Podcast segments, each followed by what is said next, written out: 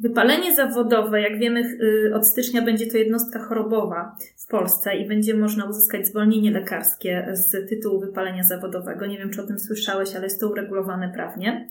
E, też dotyczy ludzi, którzy służą innym. Więc nie tylko e, życie e, wbrew swoim wartościom, wbrew jakby sobie, niezgodnie z tą misją życiową może do tego prowadzić, ale także zbyt duże służenie innym kosztem siebie i brak zadbania o siebie może doprowadzić do wypalenia zawodowego.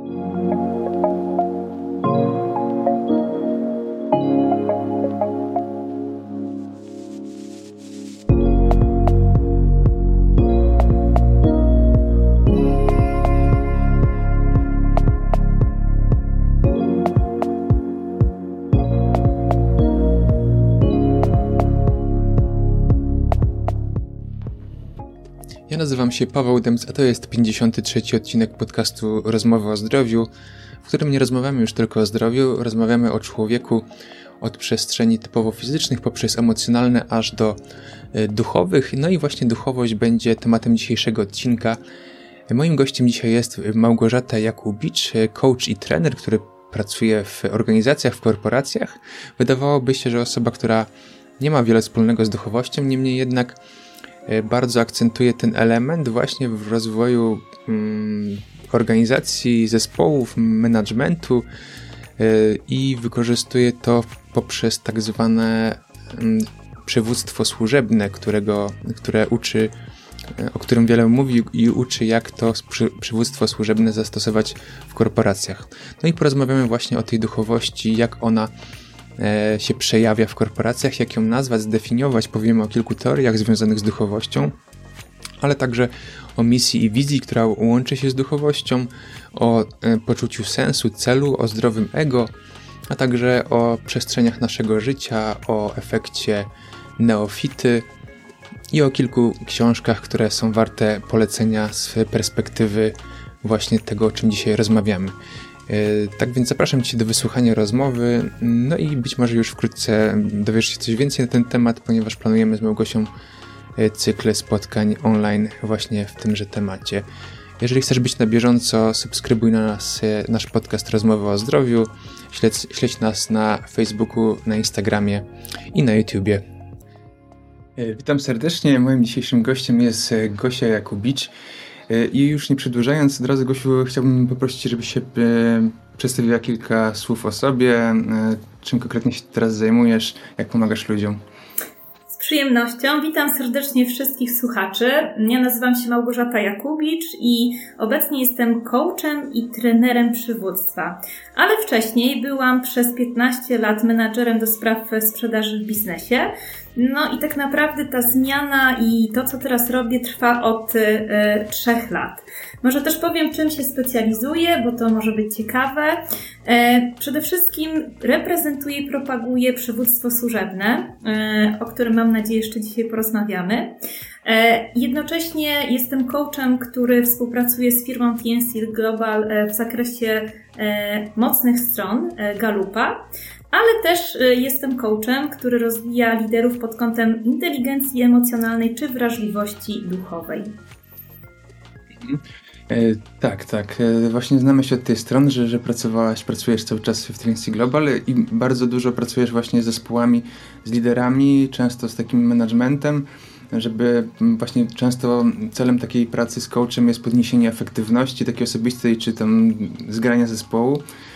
E, I są jakieś takie bolączki zazwyczaj w firmach. Pewnie nie można tego ogólnić, bo to zależy od zespołu.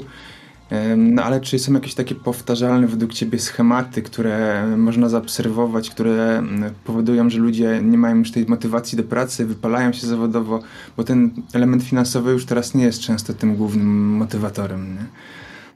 Tak, to prawda. Najpierw zacznę od tego, że mam dosyć du dużą próbę, bo za mną prawie tysiąc sesji coachingowych.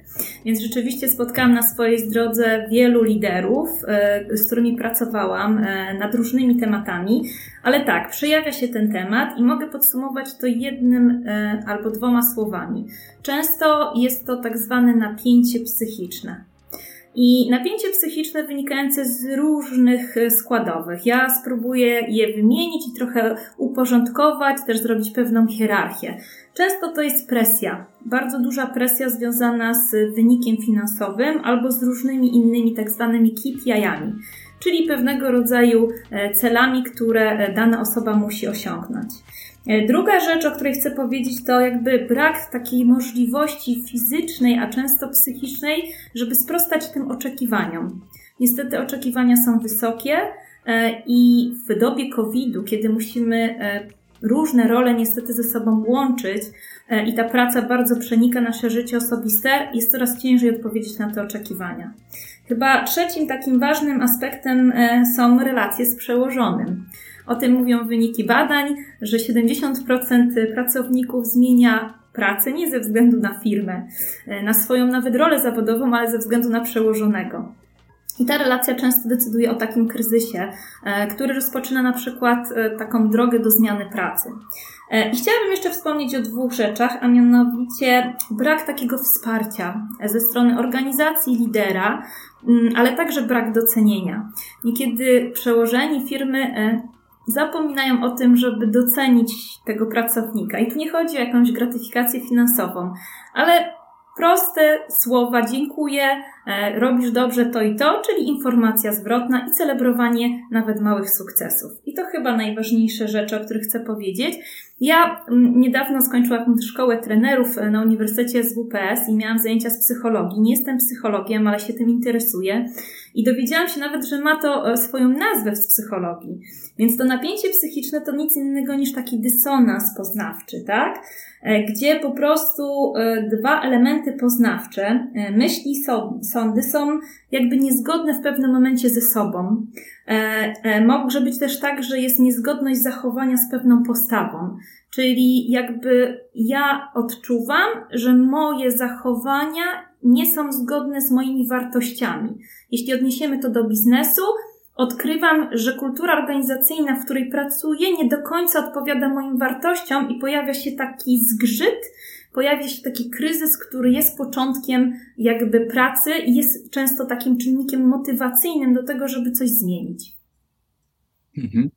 No właśnie, ty wymieniasz takie elementy jak e, mm, właśnie emocje, relacje, które mm, często mogą być e, bagatelizowane. Nawet zauważyłem, że w trakcie swojego e, w twojej książce w jednym z rozdziałów piszesz o takim ćwiczeniu, w którym dzielisz koło na cztery przestrzenie, właśnie ciała, umysłu, emocji i duchowości. I każesz tutaj właśnie ćwiczącym, to, wykonującym to ćwiczenie zaznaczyć od 1 do 100, jak się czują E, jak czują tą każdą, każdą z tych przestrzeni, jak, jak ona dla nich jest bliska w, na co dzień. No i tutaj te wyniki się okazują, no może nie zaskakujące, e, ale można by pomyśleć, że dla takiego menadżera typowego, nastawionego na wyniki finansowe, na to, żeby E, żeby tutaj ta efektywność była coraz większa. On, dychowość często mu w ogóle ciężko zdefiniować, co dopiero określić y, swój poziom duchowości. Emocje mogą być elementem bardziej takim świadomym, ale też y, bagatelizowanym. E, jakbyś powiedziała dokładnie, jak to, jak to wygląda w, w, w, na podstawie Twoich badań, jak, jak te wyniki się plasują i jakie to ma znaczenie dla, dla tych liderów, jak się dowiadują, że to tak, a nie inaczej wygląda. Mhm. No powiem szczerze, że to ćwiczenie towarzyszy mi od początku mojej drogi e, w roli coacha. E, I kiedy go pierwszy raz zastosowałam i zobaczyłam wpływ na lidera i e, taki moment naprawdę dużej zmiany życiowej, postanowiłam, że będę go stosowała jak często się tylko da. I e, za mną już e, praca na tym narzędziu z około 100 osobami. E, także mam to policzone i zmierzone, bo oczywiście nie wszystkich biorę pod uwagę. I to są przede wszystkim osoby z średniej i wyższej kadry menedżerskiej. I mm, wyniki pokazują to, że o ile bardzo dbamy o swój umysł, i to jest 80% średniej, bo ja proszę o szacowanie od 0 do 100% albo od 0 do 10%, jak ktoś postrzega ten aspekt poszczególny w swoim życiu, więc tutaj średnio jest to 80% e, jest zaopiekowany. Czyli my, liderzy, się uczymy, rozwijamy, zwiększamy swoje e, kompetencje, szczególnie w zakresie wiedzy. E, I wiemy, że to jest bardzo potrzebne do tego, żeby osiągać coraz lepsze rezultaty e, w swoim rozwoju i też w swojej pracy. Gorzej jest już z ciałem, aczkolwiek jest ok, dlatego że tutaj jest 60%, czyli liderzy już zrozumieli, że jakby ich poczucie fizyczne, ich kondycja fizyczna bardzo może im pomagać w tym, żeby coraz lepsze osiągać wyniki, też coraz lepiej się rozwijać. No, jeśli przejdziemy do tych dwóch ostatnich części, już sytuacja nie jest tak dobra. Emocje są na poziomie średnio 40% według moich badań. E, I to też pokazuje, że jednak e, praca, którą włożyła, włożył Daniel Goleman, który wprowadził zagadnienie inteligencji emocjonalnej do biznesu, zaczyna działać. Także COVID e, pokazał bardzo mocno, że ten obszar inteligencji emocjonalnej jest czymś, co jest bardzo potrzebne E, w przywództwie e, w dobie COVID-u, ale także po COVID-zie. Ale najgorsza sytuacja jest niestety w obszarze duchowości. Tutaj e, średnia wynosi zaledwie 10%.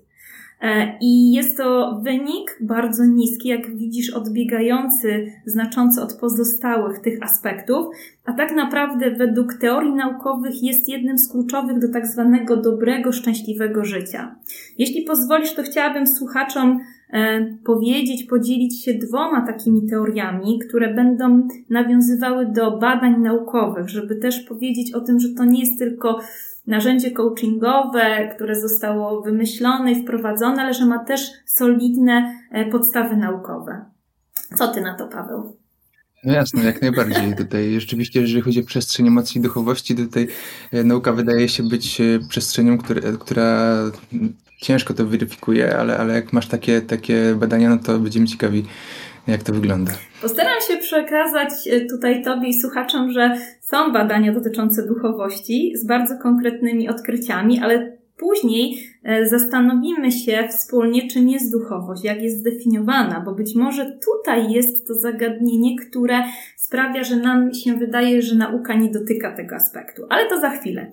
Bo najpierw o no tych właśnie, podstawach naukowych. Jeszcze mhm. przerwę, bo ci liderzy pewnie w ogóle nie wiem, czy jak, ty, jak robisz to ćwiczenie, czy ty najpierw y, starasz się wytłumaczyć, o, czym jest ta przestrzeń emocji i duchowości, czy dajesz wolną mm, tak by rękę mm, i, i każdy na, swoją, na swoją własną na, na, to, jak on sobie to wyobraża, to ocenia, bo, bo emocje, to jak sobie, ja sobie wyobrażam, że lider może pomyśleć, emocje? Hmm, no jestem oponowany emocjonalnie, jak ktoś na mnie tutaj wyskoczy, no to ja nie wyprowadzam się szybko z równowagi, więc emocje to znaczy wysoko ale jak się człowiek przyjrzy na przykład e, inteligencji emocjonalnej, na przykład nazywaniu całego wachlarzu dziesiątek czy kilkudziesięciu rodzajów emocji, które u nas występują, no to już ta pewnie ocena byłaby o wiele niższa.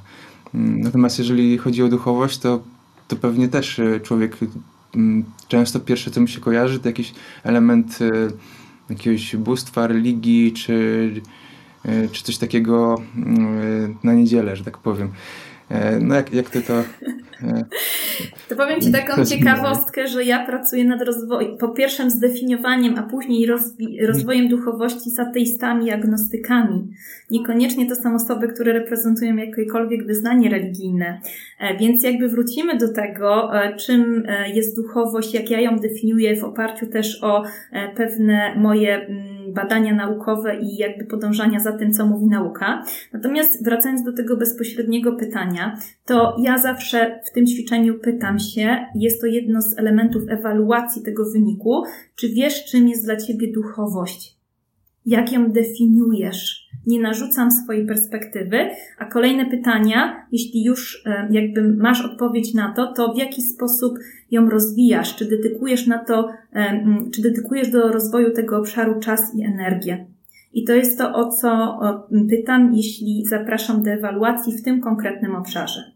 Ale jeśli pozwolisz, wrócę jednak do tych podstaw naukowych, bo chciałabym też odpowiedzieć na potrzeby osób, które tego, tego po prostu poszukują.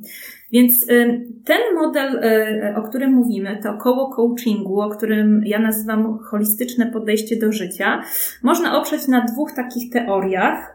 Pierwsza to jest teoria psychologii pozytywnej, która została zdefiniowana jako pojęcie, ale także jej założenie przez Martina Seligmana. Jest to stosunkowo nowa gałąź nauki, natomiast y, już są wystarczające badania potwierdzające pewne tezy. I teraz Martin Seligman stworzył taki bardzo fajny model dobrostanu, który nazywamy też modelem pięciu elementów dobrego życia. I on e, e, nazywa się PERMA i to jest akronim, e, za którym kryją się konkretne obszary. Ja będę się posługiwała językiem polskim, jeśli chodzi o pierwsze literki, a potem językiem angielskim plus polskim, żeby to wyjaśnić. Więc P, P to jest Positive Emotions, czyli to jest pierwszy element, który sprawia, że mamy jakby dobre życie. Kolejny to jest E, czyli engagement, zaangażowanie. Trzeci to jest R, czyli relationship, czyli relacje z ludźmi. E, czwarty M, meaning, co oznacza sens, poczucie sensu. I piąty to jest e, A, czyli accomplishment albo achievement, czyli cel, osiąganie celów. I tutaj e, jest wprost powiedziane, że jeśli chcesz mieć dobre życie, szczęśliwe życie, spełnione życie, no to jednym z tych elementów jest meaning, czyli sens. I to można odnieść bezpośrednio do duchowości. Natomiast drugim modelem, o którym chcę powiedzieć, jest bardziej komercyjny model, ale bardzo cenny. Stworzył go Tony Schwartz, e, człowiek, który napisał książkę Taka praca nie ma sensu, czyli jak zarządzać swoją energią. I on stworzył taki model zarządzania energią, składający się z czterech jakby części, odpowiadających właśnie na te cztery części w kole o którym rozmawiamy. I tutaj jest po pierwsze energia duchowa, i tutaj jest pewnego rodzaju uznanie sens, który się za tym kryje. Potem jest energia fizyczna, czyli to jest to ciało, o którym mówiliśmy. Kolejna to jest energia umysłowa i to jest samorealizacja. A czwarte to jest energia emocjonalna, czyli takie bezpieczeństwo. Także zobacz, jakby to się wpisuje w konkretne modele i narzędzia, e, które pojawiły się i które funkcjonują już także w biznesie. No to mm, okej, e, ale teraz jak z tymi wszystkimi przestrzeniami, jak się o nich dowiemy, mm, jak można z nimi mm, praktycznie pracować, bo tutaj wymieniłeś sporą liczbę tutaj nazw, które e, e, najpierw trzeba zastanowić się, jak one działają w naszym życiu, ale później jak już co z nimi dalej zrobić, żeby tutaj ten nasz poziom duchowości się zwiększył w kontekście właśnie takiej pracy w organizacji. Mhm. To co możemy, od czego zacząć? Mhm. E, ja generalnie rzecz biorąc, e, po zrobieniu tego ćwiczenia z liderami daję im przestrzeń na to, żeby zastanowili się, e, w jaki sposób chcą pracować z duchowością i też jak chcą pracować z duchowością w takim codziennym życiu. I oczywiście to jest refleksja, którą mają liderzy, ale także ja podaję swój przykład, jak ja pracuję z duchowością. E, pierwsza ważna rzecz w rozwoju wrażliwości duchowej, nad którą pracuję w ramach przywództwa służebnego, bo jest to bardzo ważny element też przywództwa służebnego, to jest ewaluacja na konkretnym narzędziu, które ujmuje duchowość w kontekście siedmiu takich aspektów. Czy jesteś ciekawy, jakie te aspekty? Tak, tak. Siedmiu? E, chodzi ci o zasady przywództwa służebnego według tam teorii, tak? Chodzi mi o mhm. inwentarz wrażliwości duchowej, który stworzyła bardzo fajna osoba, zresztą Polka, Magdalena Kapała z Uniwersytetu Wrocławskiego, e, która jest syntezą e, podejścia duchowego w kontekście odkryć naukowych i która stworzyła pewnego rodzaju taki test, tak jak mamy test na, na talenty Galupa, tak mamy test na wrażliwość duchową, mierząca duchowość i mówiąca o tym, jakie są e, obszary tej duchowości. No jasne, to jest ciekawe, jak najbardziej jak to wygląda. Więc tak, mówiłeś o tym, że zazwyczaj duchowość nam się kojarzy z niedzielnym wyjściem do kościoła, prawda? No, tak się kojarzy. Okazuje się, że jest to znacznie szerszy i głębszy temat, dlatego że wyznanie e, religijne i wiara są tylko jednym z siedmiu elementów duchowości według tego podejścia, którego jestem bardzo dużym zwolennikiem. I teraz tak, jakie są inne? Holis i harmonia, czyli jak my postrzegamy świat i postrzegamy relacje, które są na tym świecie. Jest tu też mądrość, świadomość i właśnie ten sens, ale także wrażliwość etyczno-moralna, czyli nasze sumienie. Poza tym mamy otwartość na drugiego człowieka, czyli ten aspekt y, jakby mm, szacunku i otwartości na drugiego człowieka jest tutaj też ujęty. Kolejne to jest y, zaangażowanie duchowe i wrażliwość estetyczna. I w tym inwentarzu jakby dochodzi do ewaluacji poprzez liderów, e, z którymi pracuję, jak ja w tym momencie reprezentuję rozwój duchowy. I oczywiście, co będzie bardzo jasne, niektórzy liderzy będą mieli na przykład bardzo niską e, ocenę w kontekście tego aspektu religijność i wiara, i to są zazwyczaj ateiści albo agnostycy, ale nie oznacza to, że w innych obszarach nie mają wysokich ocen i nie mają tej wrażliwości duchowej. Czyli jedno nie wyklucza drugiego, chociaż e, mocno się wiąże z postrzeganiem duchowości. Czyli zazwyczaj rzeczywiście, tak jak mówisz, ta duchowość jest postrzegana przede wszystkim z perspektywy religijności i wiary. Mhm. Ale teraz, żeby tutaj to właśnie określić te poziomy, to tam jest jakiś zestaw pytań, na podstawie których wychodzi jakiś, nie wiem, poziom każdego z tych obszarów, czy, czy to jest ocena własna tego każdego obszaru? To jest ocena własna i są pytania, które dotyczą konkretnie tych siedmiu e, zagadnień. I jakby na końcu wychodzi Ci wynik, który zaprasza Cię do refleksji, w jakich obszarach ja mam wysoką ocenę, samoocenę, natomiast w jakich obszarach ta samoocena jest niska. Powiem Ci, Paweł, tak, o ile pracując z inwentarzem e, inteligencji emocjonalnej, e, zapraszam liderów, żeby poprosili innych o ocenę, czyli nie tylko e, liderzy sami do, dokonują tej samooceny, ale także inne osoby z grona zaprzyjaźnionego, czy to pracowników, czy to rodziny dokonują oceny tej osoby. O tyle, jeśli chodzi o wrażliwość duchową, to nie robię tego, bo to są zbyt jednak intymne zagadnienia. E, no i wiem, że nie każdy chce jakby się tym dzielić i prosić o oceny ze strony innych. Dlatego jest to samo ocena. Mhm. Ale czy te argumenty w ogóle, które przytaczasz w trakcie tych badań, czy one trafiają do liderów, czy do, do tych ludzi, którymi pracujesz, że to jednak mm, że te, te elementy właśnie duchowe, e, które wymieniłaś, e, te wszystkie obszary, że praca nad nimi ma rzeczywiście przełożenie na później taka, na tą radość z pracy, brak wypalenia, no i później efektywność w konsekwencji jakąś taką osobistą, e, czy tam balans między życiem duchowym, między życiem w pracy a, a rodzinnym, tak. Mm, czy to, to jest raczej, jak czujesz, bagatelizowane, bo też takie pracowałem 15 lat w korporacji i wiem, jak takie szkolenia często są odbierane i fajnie, fajnie, trzeba tutaj to odpracować, ale jak się już pojawiają takie, takie wysokie tematy, no to, mm, y, to często nie jest to brane, e, brane poważnie, powiem szczerze. Mhm.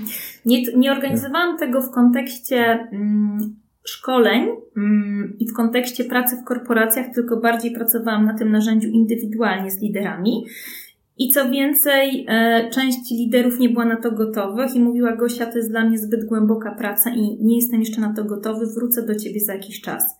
Natomiast ja bardzo mocno zapraszam do tego, no bo w przywództwie służebnym, które jest określane jako przywództwo wyższego stopnia, no ten aspekt jest e, bardzo ważny. Ale uwaga, e, jest to druga opcja, o której chciałam Ci opowiedzieć, bo też pracuję i sama przepracowałam tak zwaną misję życiową która jest elementem właśnie takiego życia i pracy z sensem. I to już robiłam w korporacji z bardzo dobrym wynikiem. Mam nawet follow-up, który to potwierdza. I chciałam powiedzieć, że to jest już taki proces, który jakby zaprasza Cię do jednego z tych elementów e, z mm, modelu PERMA, czyli accomplishment albo achievement w połączeniu właśnie z e, tym meaning, czyli poczucie sensu.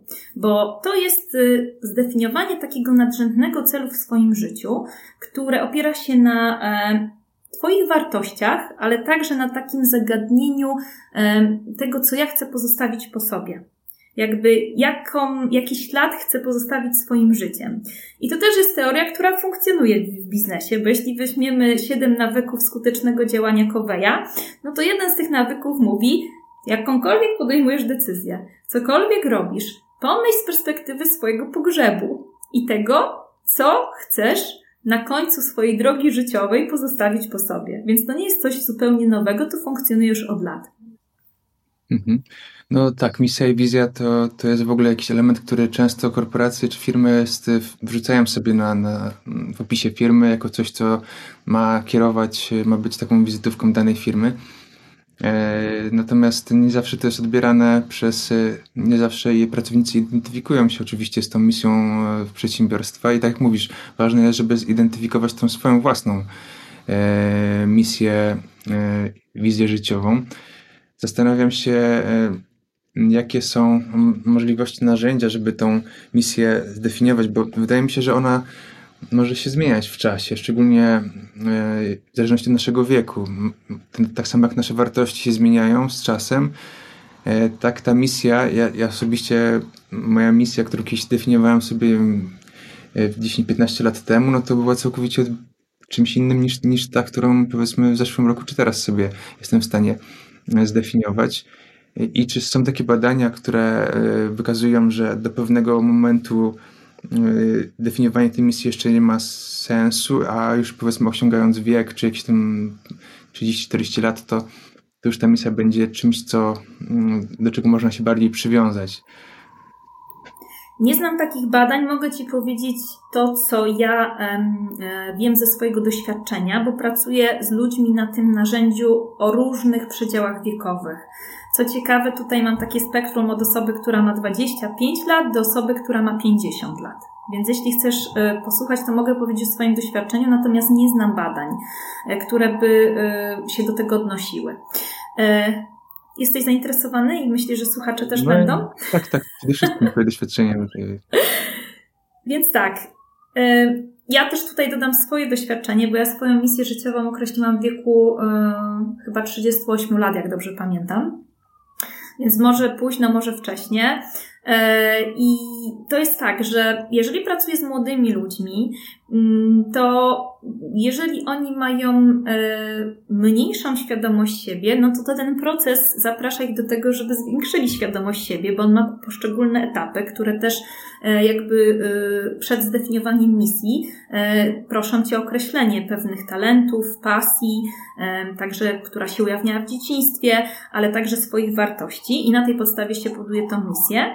I to jest dla nich taki bardzo cenny drogowskaz. Natomiast rzeczywiście, jak mają pracować nad wizją, czyli jak mają realizować tą misję, no to jak pytam o perspektywę 5, 10, 15, 20 lat, bo tak pracuję, no to wtedy te osoby jakby mają mm, trochę inną perspektywę niż te osoby z tego wyższego przedziału wiekowego, tak? Jest mniej tam tych elementów, są mniej szczegółowe, e, co ma się wydarzyć i jest to bardziej płynne ogólnie rzecz biorąc.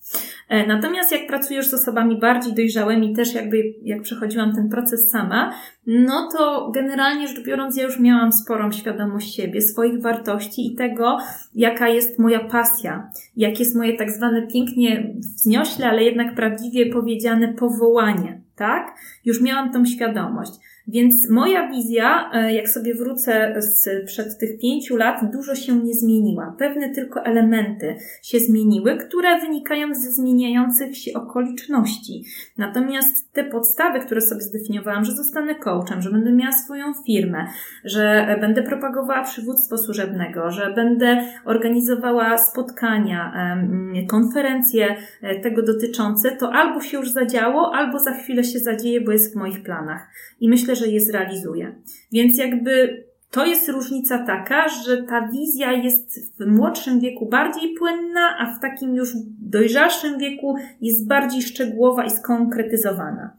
Natomiast y, pierwsze warsztaty, które prowadziłam y, w ramach y, i korporacji, i w ramach pracy indywidualnej, były około pięciu lat temu i czterech, no może cztery i pół, czterech lat temu. Więc jak teraz rozmawiam z tymi ludźmi, no to widzę ogromną wartość tego, że zdefiniowali sobie e, tą misję niezależnie od wieku i nie, jak na razie żadnemu z nich ten kierunek się nie zmienił. Mhm.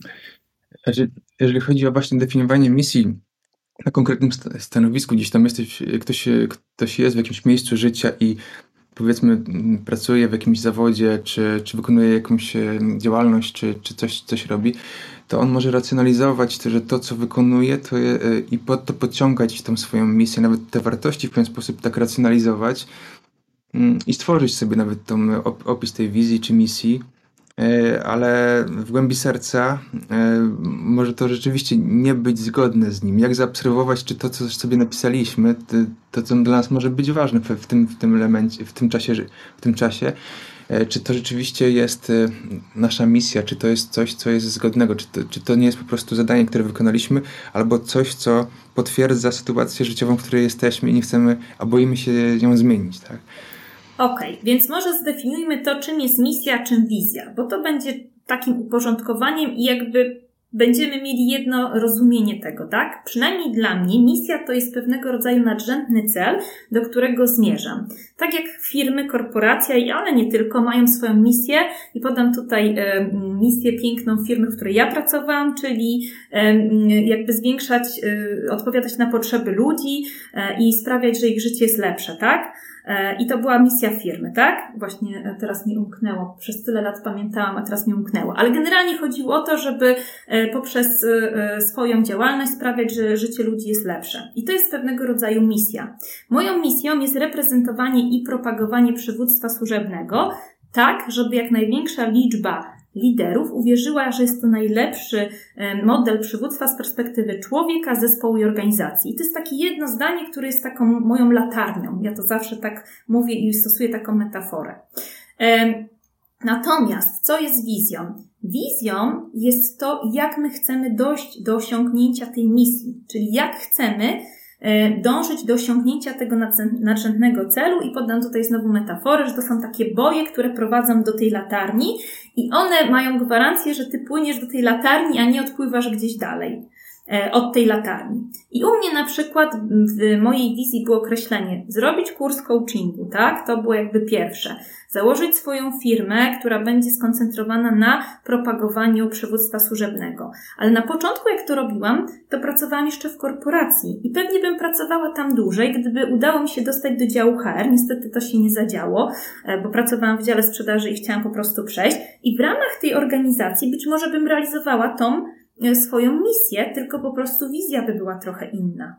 Więc ja chciałam powiedzieć, że o ile misja powinna, przynajmniej z teorii, być czymś, co jest stałe i nie powinno się to zmieniać w ciągu życia, ale może się tak zdarzyć i zaraz powiem dlaczego i w jaki sposób, o tyle wizja jest czymś, co może być zmienne, co się adaptuje do zmieniających się okoliczności e, e, środowiska, które nas otacza. Tak jak mamy na przykład COVID, co bardzo mocno zweryfikowało moje plany i o ile planowałam w 2022 zorganizować pierwszą konferencję dotyczącą przywództwa służebnego, ale także e, dotyczącą duchowości w aspekcie biznesu, o tyle wiem, że muszę te plany przesunąć, bo to w tym momencie nie jest realne, bo mi zależy, żeby ta konferencja była stacjonarna a nie e, organizowana w postaci spotkania online.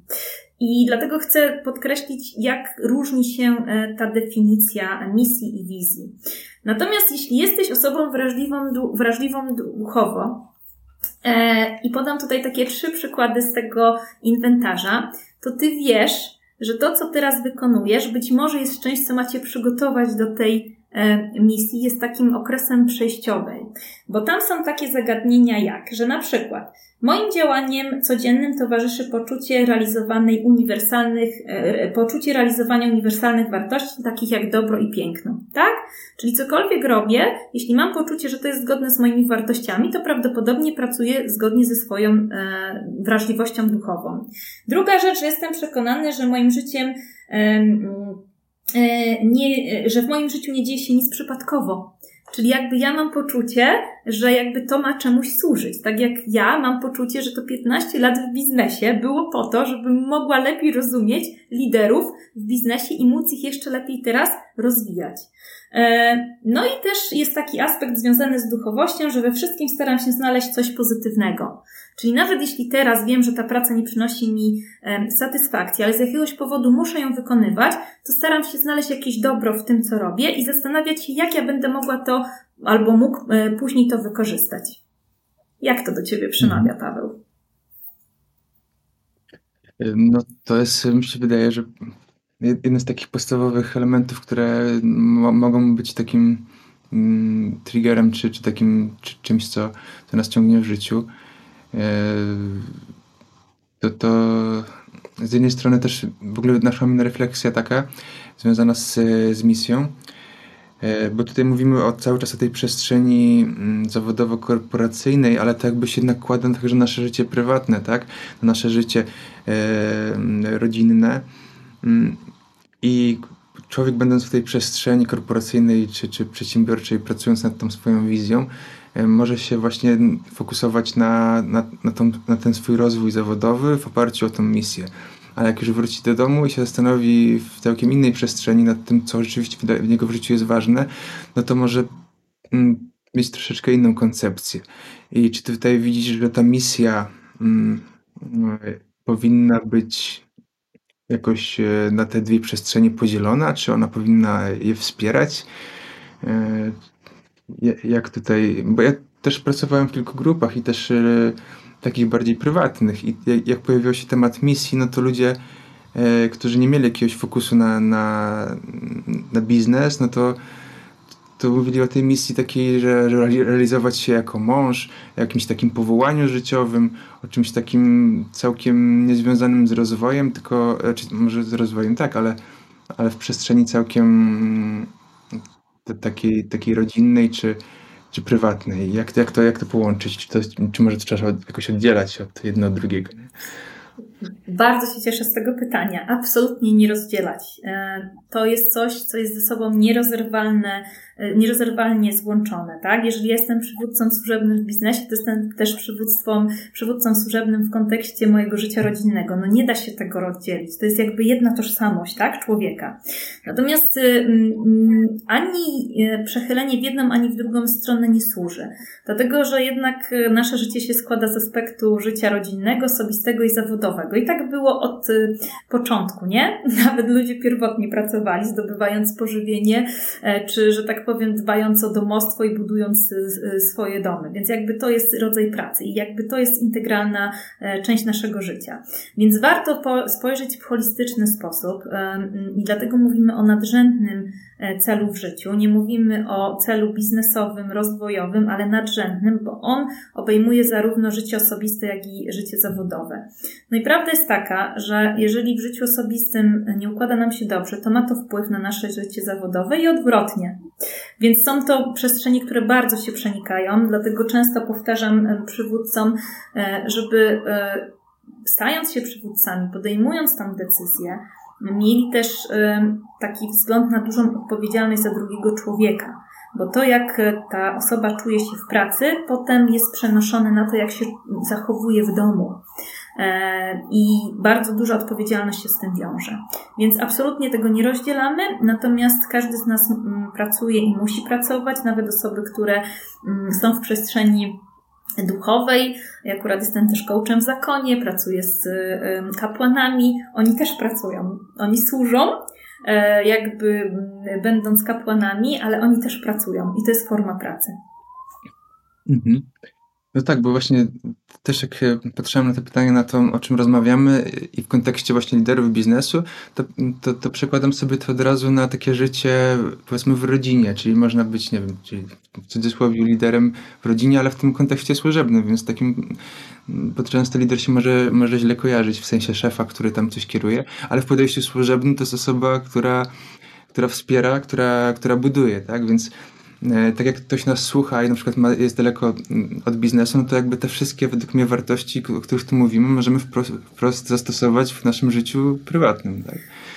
Ależ oczywiście i teraz się odniosę do przywództwa służebnego. Przywództwo służebne z e, definicji mówi o tym, że jest to osoba, która świadomie wpływa na innych, niezależnie od stanowiska. To jest równie dobrze mąż, żona, E, matka, ojciec e, to jest specjalista w, e, nawet w przestrzeni zawodowej, który ma wpływ na innych i świadomie to robi.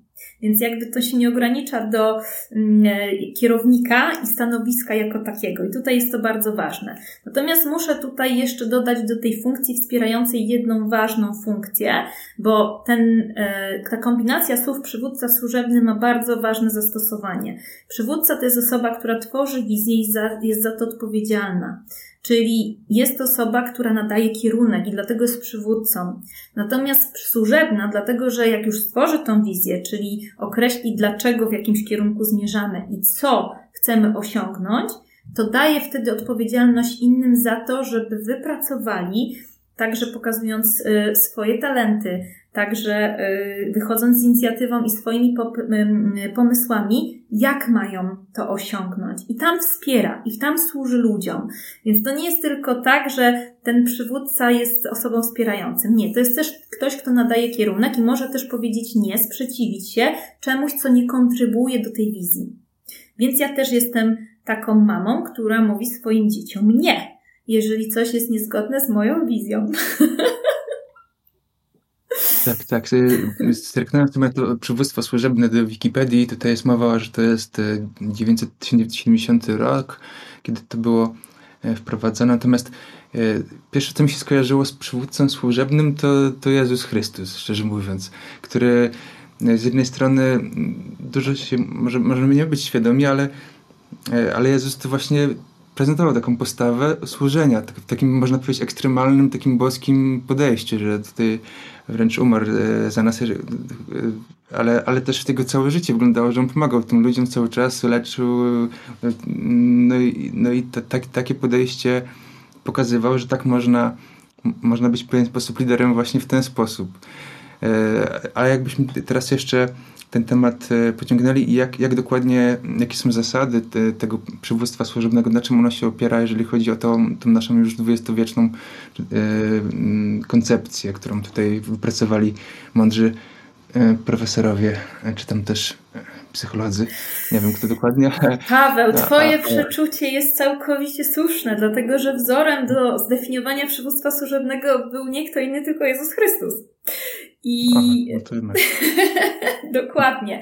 I to e, jest e, jakby badanie bardzo e, znanego, globalnego, międzynarodowego eksperta Kena Blancharta, który przebadał Ewangelię i stwierdził, że no lider jest wzorem do naśladowania. Jezus Chrystus jest liderem do naśladowania. Stworzył nawet taką organizację Lead Like Jesus, i nawet w Polsce jest wydana książka um, przetłumaczona na język polski, jak być przywódcą na wzór Jezusa. I ja muszę się też pochwalić, że prowadzę takie szkolenia, bo też w tej przestrzeni e, działam i niedługo rusza trzecia edycja, gdzie szkole nie tylko kapłanów, ale też, powiem ciekawostkę, osoby z wojska i osoby z biznesu, e, które chcą się dowiedzieć i które reprezentują korzenie chrześcijańskie, jakim liderem był e, Jezus. Natomiast jest też drugie źródło i chcę bardzo transparentnie o nim powiedzieć. I tym drugim źródłem jest Hermann Hesse, który napisał książkę Droga na Wschód. Ona była pewnego rodzaju nawiązaniem do um, buddyzmu. I y, na jej podstawie y, służebne, przywództwo służebne zdefiniowała druga osoba, a mianowicie Robert Greenleaf. I w Polsce jest Instytut Roberta Greenleafa, prowadzi go moja koleżanka Magda Kamińska, która jakby czerpie z tego źródła i która, e, która też jakby bardzo mocno jest spójna z tym, jaką teorię przedstawił Ken Blanchard. E, I jakby obydwie te teorie, zarówno ze strony Kena Blancharda, jak i Roberta Greenleafa, przeniknęły do biznesu. I co ciekawe, e, model przywództwa służebnego, zaraz się odniosę do tego, na czym on polega i co jest jego główną osią, jest modelem e, preferowanym w tak zwanych zwinnych organizacjach. E, z języka angielskiego to się mówi agile, czyli jest to taka metoda prowadzenia zwinnego projektów. I ja sama e, współpracuję z takimi organizacjami i szkole trenerów, jak być przywódcami służebnymi, aczkolwiek bardzo mocno tu podkreślam, że ten aspekt religijny jest wtedy mniej podkreślany, tak? Ja mogę powiedzieć o źródłach, które są, ale jakby nie odnosimy się do tego bezpośrednio, bo jak pisałam w mojej książce, duchowość w biznesie jest nadal tematem tabu. o tym się raczej nie mówi. E, I nie mówi się głośno, jak się mówi, to właśnie bardziej pod kątem takiego życia z sensem, misji e, życiowej, osobistej, e, lidera i tak dalej, i tak dalej. Ale jest to jakby nawiązanie do tej duchowości. Na czym polega przywództwo służebne? Już trochę powiedziałam o tym, że z jednej strony taki lider nadaje kierunek, z drugiej strony wspiera ludzi w osiągnięciu tego kierunku, ale bardzo ważnym elementem tego przywództwa jest, ja tak to nazywam, zdrowe ego. Jak myślisz, co to jest? Zdrowego, y, to się pojawiła tutaj raz ta lampka związana z inteligencją duchową. czyli, czyli takie podejmowanie, ja to, to rozumiem, że takie podejmowanie decyzji zgodnie ze swoimi wartościami, e, które, które y, daje pewną asertywność, ale też e, nie rani drugiego człowieka. Wiesz co, ego to jest coś, yy, co wszyscy mamy. Z czymś się rodzimy i nie wiem, czy wiesz, ale na początku wszyscy jesteśmy narcyzami. Ponieważ jako niemowlęta dbamy tylko i wyłącznie o swoje potrzeby.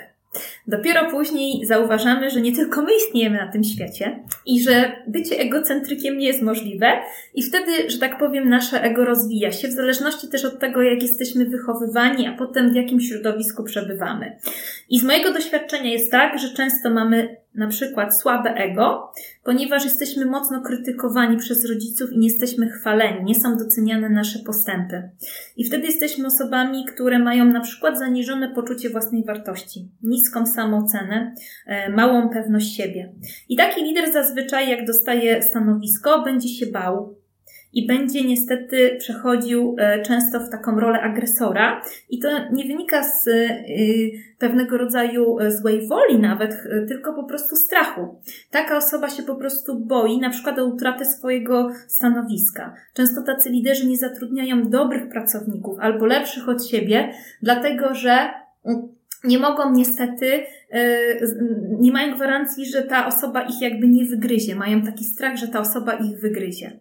E, z drugiej strony mamy niekiedy takie silne ego, zbyt silne ego i to zbyt silne ego powstaje wtedy, kiedy na przykład rodzice bardzo chwalą e, swoje dziecko, natomiast nie ma w ogóle krytyki, nie ma jakby wskazania tego, jakie są obszary do poprawy. I wtedy taki lider zazwyczaj jest bardzo pewny siebie, na granicy arogancji, albo nawet przekracza tą granicę arogancji, nie szanuje ludzi, nie słucha ludzi i tak dalej.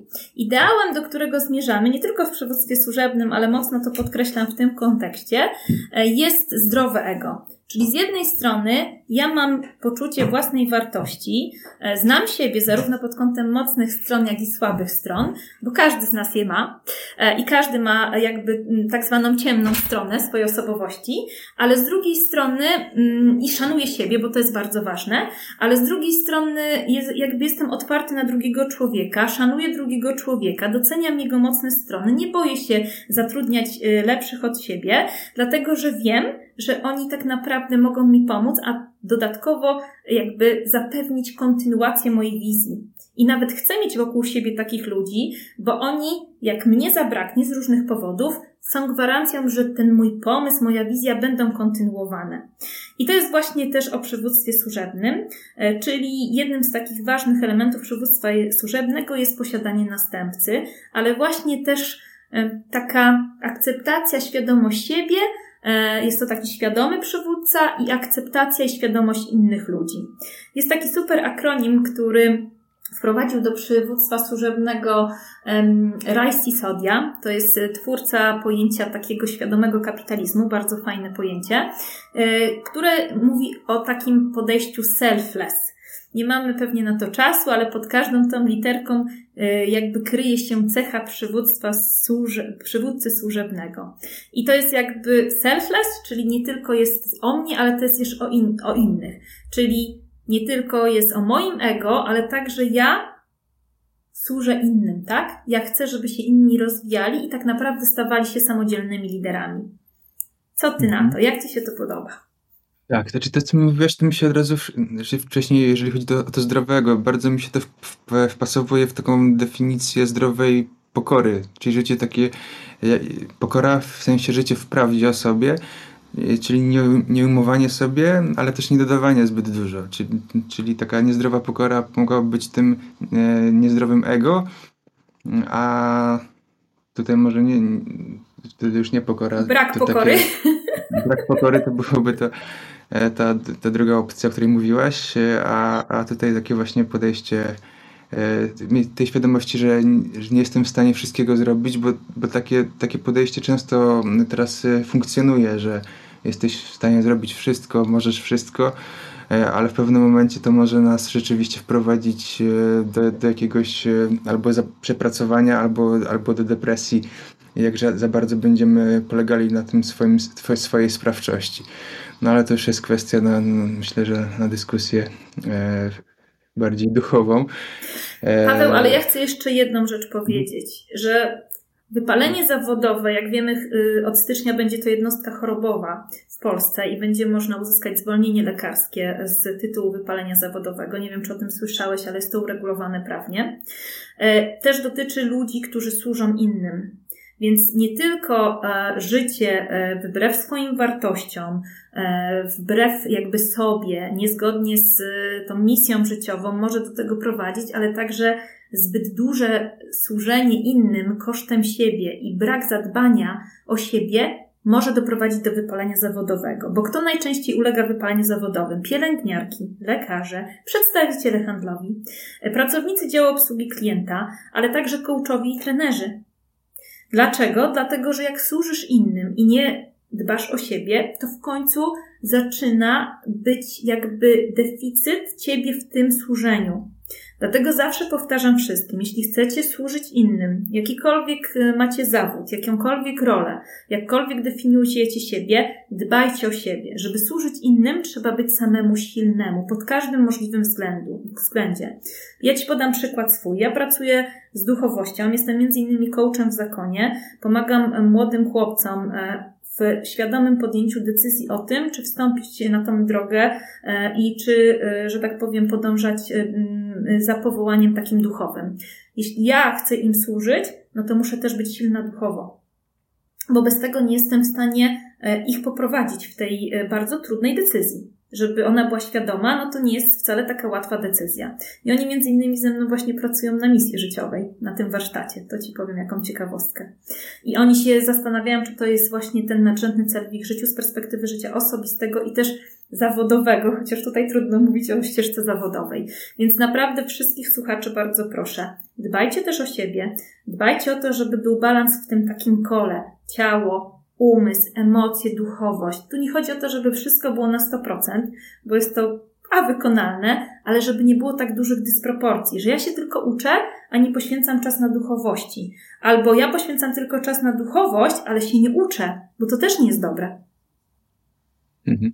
No tak, to, to jest jakby nieskończona, że tak powiem, nauka, którą zawsze można odnawiać, że jedna przestrzeń zaburza drugą, no chociażby w takiej prostej przestrzeni ciało, umysł, duch, tak, tutaj mówiąc, że po prostu pracując nad rozwojem ciała, to możemy zaniedbać relacje i, i, i właśnie rodzinę, czy też naszą karierę, karierę zawodową i, i, i vice versa. Tak, y, to, to, czy mówisz o wypaleniu, jeżeli chodzi o pracę służebną, to też jest ciekawy temat. To rzeczywiście jest możliwe. No, chociażby sobie wyobraziłem, teraz niedawno miałem rozmowę z misjonarzem, to, to też chyba na misjach ludzie przypuszczam, że łatwo mogą się wypalić, szczególnie będąc właśnie w oddaleniu e, przez dłuższy czas, a często tam kilkanaście lat spędzają, to to może być rodzaj wypalenia jak najbardziej zawodowego, tak w, w kontekście osoby, która pracuje e, w drugiej stronie w korporacji. Tak. Może się Paweł uśmiechniesz, ale ja prowadziłam kiedyś y, zajęcia, y, szkolenie dla zakonników z zarządzania sobą w czasie śmieszny. No, tak, no, wszystko to się przekłada, to jakby to jest najbardziej. To I co było naj... wyzwania tylko. Tak, i co było największym wyzwaniem? Oni jakby nie odpoczywają, często nie jeżdżą na wakacje, na urlop, nie? Mają tyle pracy, bo jest coraz mniej powołania, a tyle samo pracy. Więc jakby y, mówimy o tych negatywnych aspektach, które się pojawiają w kościele i to jest prawda i nie można tego ukrywać, ale też trzeba powiedzieć o tym, że są bardzo obciążone te osoby, nie? I jakby mają naprawdę dużo różnego rodzaju obowiązków, a jest ich coraz mniej. I jak to powiedział jeden z kapłanów akurat z Czech, który jest jeden na jakieś trzy parafie i jak w niedzielę musi jakby e, odbyć trzy msze, on śpi w domu, więc mówi Gosia, jak ja mam odpoczywać? Ja śpi w pracy. Mówi Gosia, jak ja mam odpoczywać, jak ja śpię w pracy? No, no dokładnie. Także tutaj nie zdajemy sobie sprawy, ile tutaj jest wyzwań. E, jeżeli chodzi o taką pracę kapłańską, to e, to, to jest ta przestrzeń dodatkowo jeszcze piętnowana, więc tutaj pod okiem parafian i, i opinii społecznej. Okej, okay, ale jeszcze od tego odchodząc, ja wspomniałem wcześniej takie hasło inteligencja duchowa, o tym też, też mówisz. Tutaj to się przewijało w pewien sposób w tej naszej rozmowie, ale jakby do tego wrócić, bo, bo też tutaj to jest ważny element tego twojego przekazu. E, jak tą inteligencję duchową można zdefiniować? Ja tutaj widzę, że inteligencja w sensie umysł i tutaj duchowość, jakby przenikanie się tych przestrzeni umysłu e, i, i duchowości. Ale, ale czym jest ta, ta inteligencja według tych, tych tutaj naszych e, definicji, czy badań, czy, czy, czy twórców tych teorii inteligencji duchowej, tak? Bo to też. Mhm. Ja powiem, jak ja to rozumiem, jak ja pracuję, natomiast mogę odwołać tutaj do e, lektury takiej książki dotyczącej inteligencji duchowej e, Jana Marszala i Dana Zohara. To chyba dwóch takich najbardziej popularnych autorów w tym kontekście, ale też są polscy autorzy, którzy dotykają tego zagadnienia. Inteligencja duchowa to jest właśnie takie poczucie sensu i życie i praca z sensem na bazie określonej, określonych wartości i pewnego wkładu dziedzictwa, które ja chcę pozostawić po sobie na tym świecie.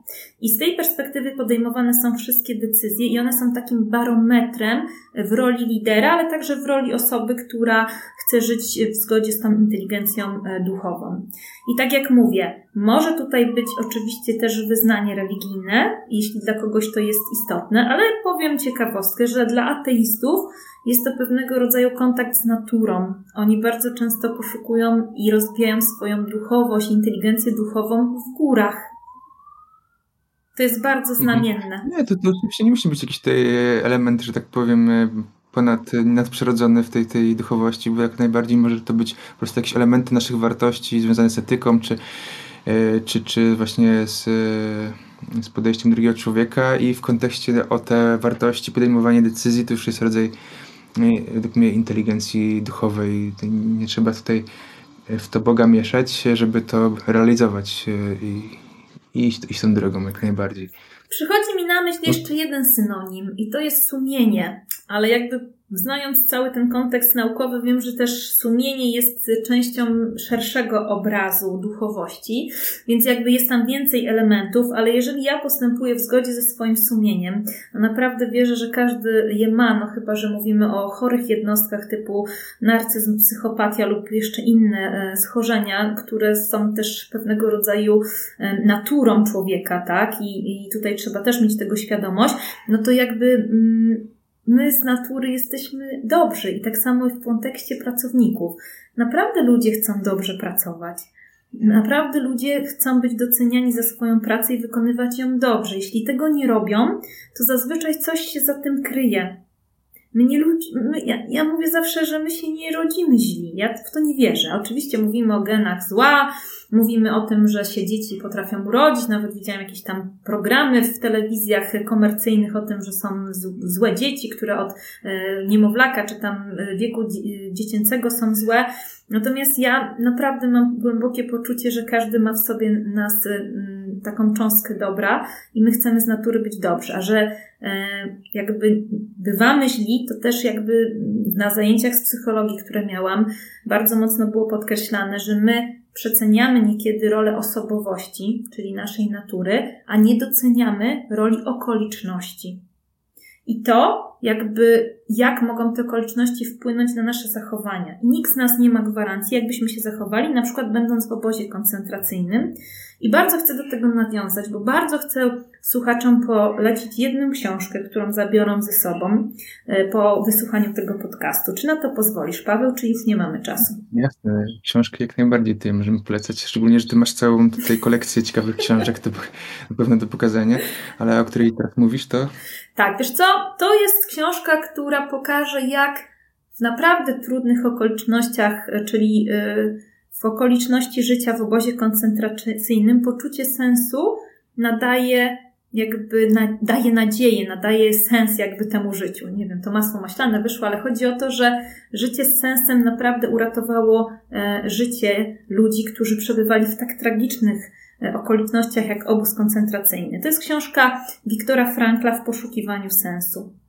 I to jest właśnie spojrzenie człowieka, naukowca, mm, który e, niestety e, był w obozie koncentracyjnym, odebrano mu pracę naukową i niestety zniszczona została, ale jakby wykorzystał też ten czas, żeby obserwować ludzi. No i nie chcę zdradzać zawartości tej książki, ona jest piękna i uważam, że każdy powinien ją przeczytać w swoim życiu, która mówi o tym, że ci ludzie, którzy mieli sens, którzy widzieli nadzieję i żyli tam nadzieją, potrafili przetrwać ten obóz i mieli mniejsze prawdopodobieństwo śmierci Ktoś, kto tracił nadzieję, nie widział sensu w tej sytuacji, w której się znajdował, bardzo szybko umierał.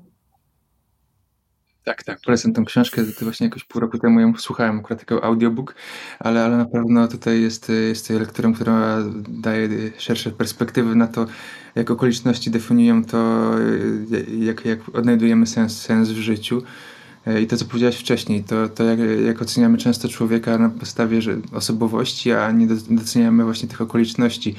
Nawet takie, takie, zrobić sobie takie ćwiczenie według mnie, żeby spojrzeć na człowieka, którego jakoś tak oceniamy w tym momencie. Często to są osoby związane e, z mass mediami, z polityką i przypisujemy im często rolę, że one są, nie wiem, chcą, chcą krzywdy dla drugiego człowieka.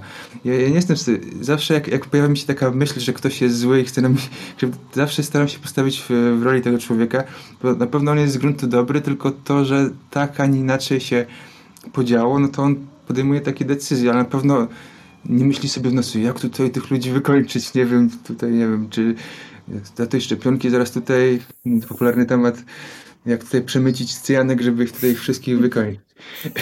Aczkolwiek to nie może być wymówką nad pracą nad siebie, nad sobą, tak? tak? Nad rozwojem siebie.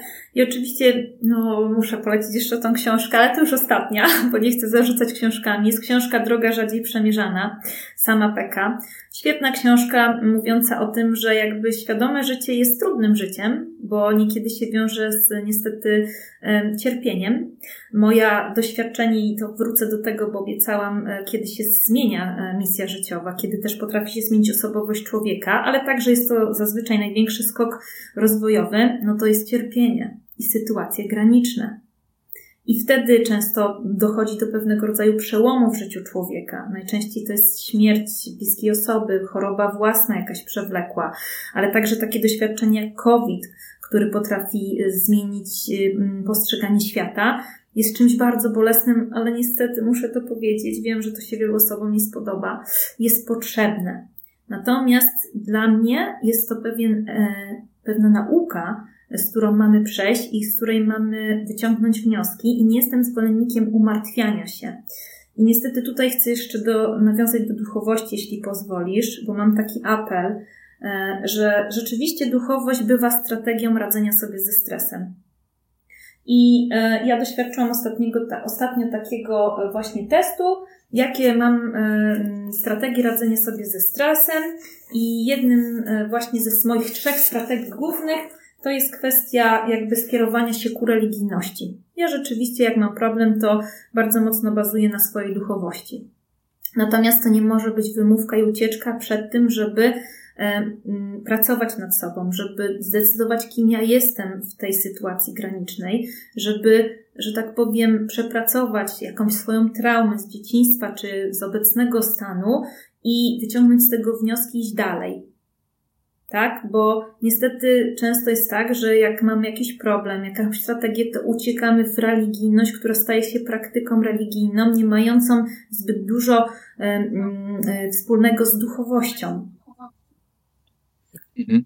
Co ty na to? No tak. Sprowokowałam cię do jakiegoś... Możemy popłynąć w, w tym, w jakimś przywiązaniu, tak samo jak może naszą mm, mm, uzależnieniem stać się coś, coś naturalnie negatywnego, typu tam hazard, tak samo możemy wejść w rozwój, czy też w, w przesadzoną religijność, w której zaczynamy powiedzmy oceniać drugiego człowieka, że nie spełnia tych naszych standardów, które które my teraz wyznajemy jako, jako wartość taką ponadczasową i którą powinien spełniać każdy człowiek. Tak. Czy ty słyszałeś kiedyś o efekcie neofity? No, fit?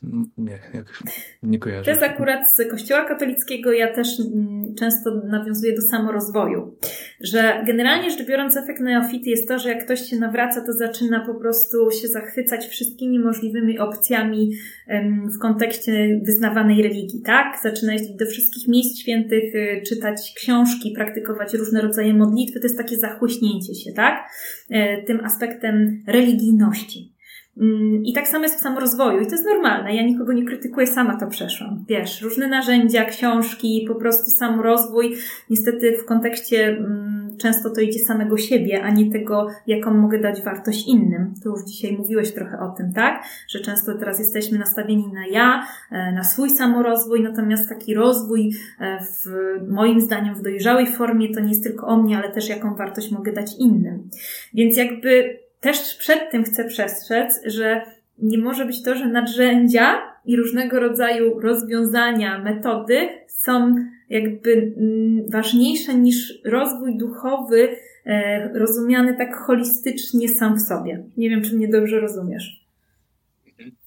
No to tak, tutaj też o tym mówiliśmy, czy w innej przestrzeni, ale, ale jakby zbytnia polaryzacja, czy, no, czy, czy takie ortodoksyjne podejście do jakiejś przestrzeni życiowej e, spowoduje, że tracimy tą wrażliwość na drugiego człowieka, jakby nie było, chociażby, nie, chociażby to była właśnie taka religijność, tak?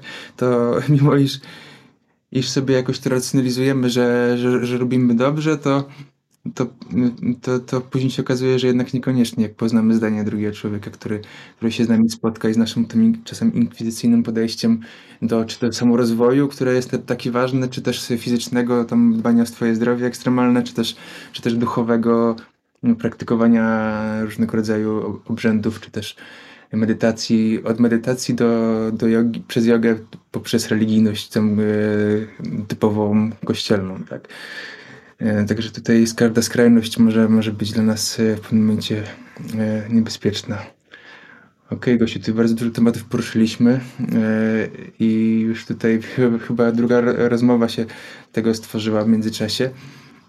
Ja, ja bym chciał Ci dzisiaj podziękować za to, chyba że chciałabyś jeszcze coś dodać, o czym zapomnieliśmy powiedzieć, a, a o czym byłoby warto tutaj wspomnieć, to, to jest na to jeszcze przestrzeń.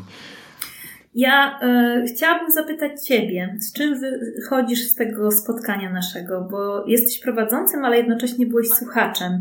Jakby co było dla Ciebie najważniejsze, co być może będzie też najważniejsze dla y, słuchaczy, którzy y, będą mieli, będą chcieli zainwestować swój czas i energię, żeby posłuchać naszej rozmowy.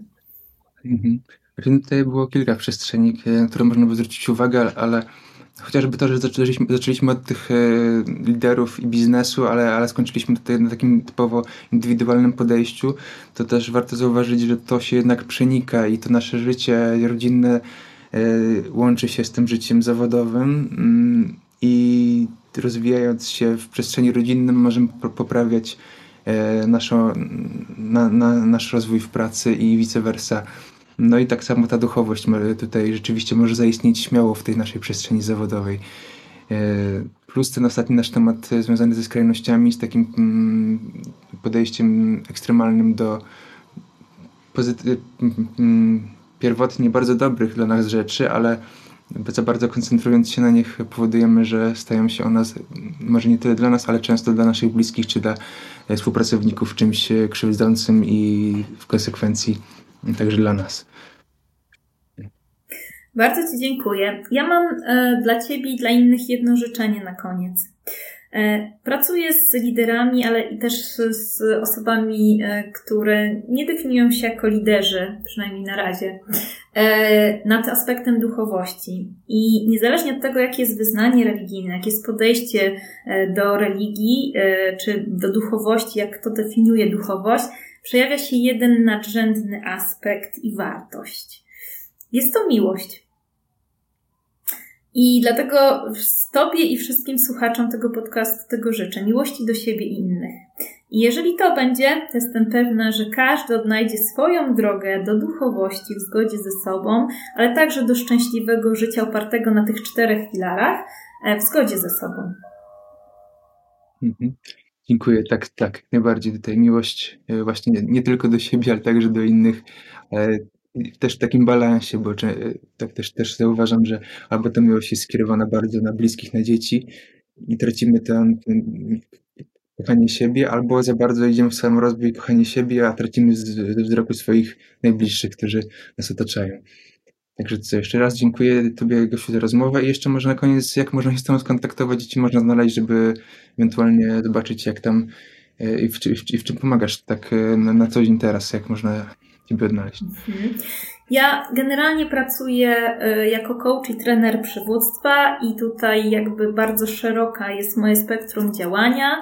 E, można mnie znaleźć w mediach społecznościowych, w internecie. Najprościej będzie wpisać Małgorzata Jakubicz Your Way i wtedy pojawią się wszystkie dane, dlatego że moja witryna internetowa jest w języku angielskim, podam ją, ale może być trudna do zapamiętania. www.findyourway.com.pl ale nie ukrywam, że przygotowuję nową stronę internetową, która będzie dedykowana bardziej um, zagadnieniu przywództwa służebnego e, i także mojej oferty w kontekście trenera przywódców i przywództwa. E, więc y, mm, jakby mm, zachęcam, żeby śledzić y, media społecznościowe. Od stycznia też zaczynam pracę z agencją, która zadba e, o to, żeby moja e, idea, moje wartości, które chcę przekazać innym, były bardziej widoczne, bo przyznam, że nie jestem lwicą mediów społecznościowych, więc y, poprosiłam o pomoc firmę zewnętrzną, więc na pewno będzie można mnie znaleźć jeszcze łatwiej i szybciej. Super, tak więc jeszcze raz dziękuję i do zobaczenia w przestrzeniach, może nie tylko wirtualnych. dziękuję, pozdrawiam wszystkich i dziękuję za zaproszenie.